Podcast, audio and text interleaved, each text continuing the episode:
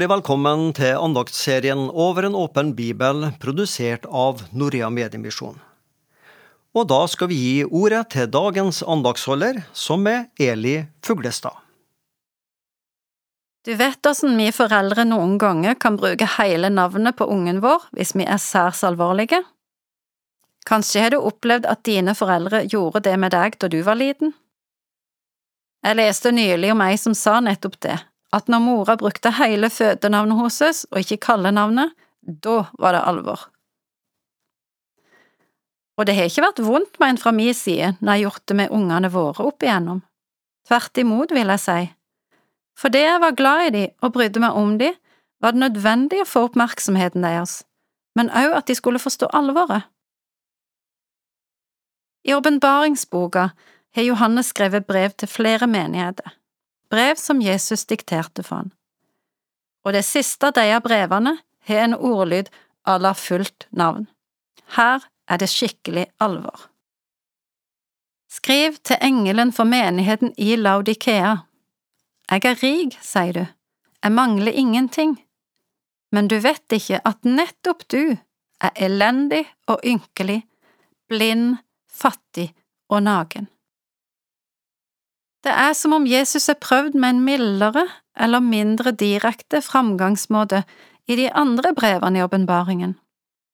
Men situasjonen til menigheten i Laudikea var så alvorlig at han må til med klar tale. Laudikea betyr folkets rettferdighet, og menighetens problem var nettopp sjølrettferdighet.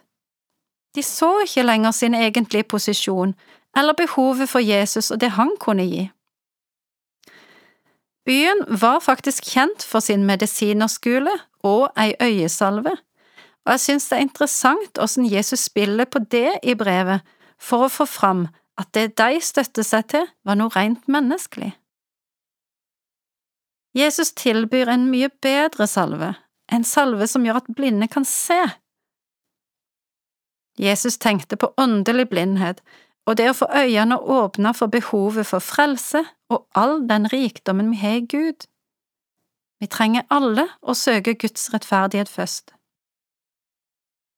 Menigheten blir i brevet også beskrevet som lunka. Når noe er lunkent, er det en miks av kaldt og varmt. Menigheten var kanskje en blanding av vennskap med verden og med Gud. Den som prøver å holde seg inne med alle, ender ofte opp med å være frastøtende for alle. Å være lunka er også et uttrykk for å være likegyldig, og det er verst, for den bryr seg ikke uansett. Jeg vet om noen som er møtt opp til sesjon når de har fått innkallelse til førstegangstjeneste, og så har de hatt klar ei liste med argumenter for hvorfor de ikke vil inn i militæret. Og så får de beskjed om at de må inn likevel. Forklaringen er at når noen er så dedikerte imot, så kan de bli like dedikerte for hvis befalet klarer å snu de. Og da blir de gjennom de beste soldatene.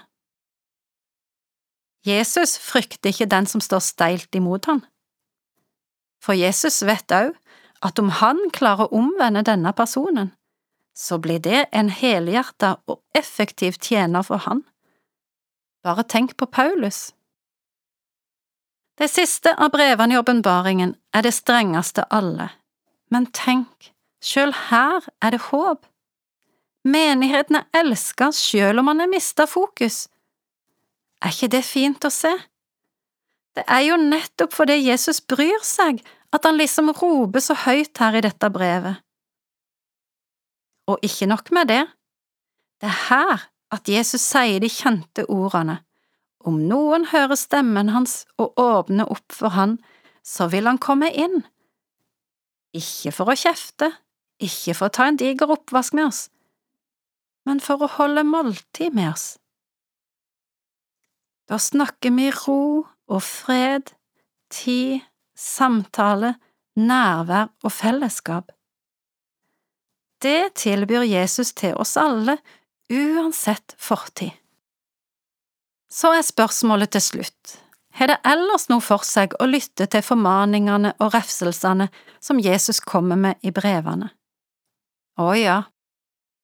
I alle brevene avslutter han med belønninger til den som seirer, og det er ikke småtteriet. Bare hør. Den som seirer, skal få ede av livets tre som er Guds paradis. Den som seirer, skal ikke rammes av den annen død, han vil få den skjulte manna, en hvit stein med et nytt navn, han vil få makt til å styre over folkene og få morgenstjerna. Den som seirer skal få hvite klede og ikke bli strøket ut av livets bok, bli ei søyle i Guds tempel for evig, få Guds navn skrevet på seg og sitte på tronen sammen med Jesus. Er ikke det verdt å holde ut for?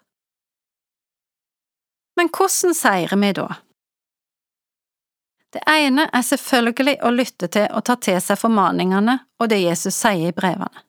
Det er jo en grunn til at han sier de tingene. Vi kan sikkert alle kjenne oss igjen i det ene eller det andre i brevene.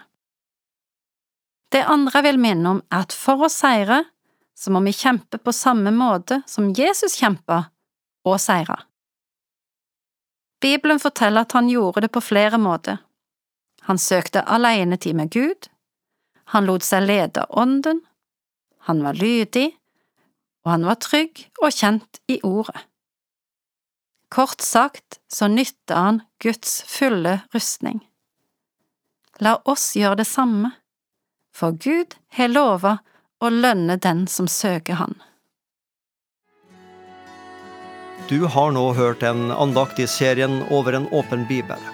Og det var Eli Fuglestad som var dagens andaktsholder. Denne serien den produseres av Norea Mediemisjon. Og alle våre podkaster og andakter det finner du på hjemmesida styrkdintro.no.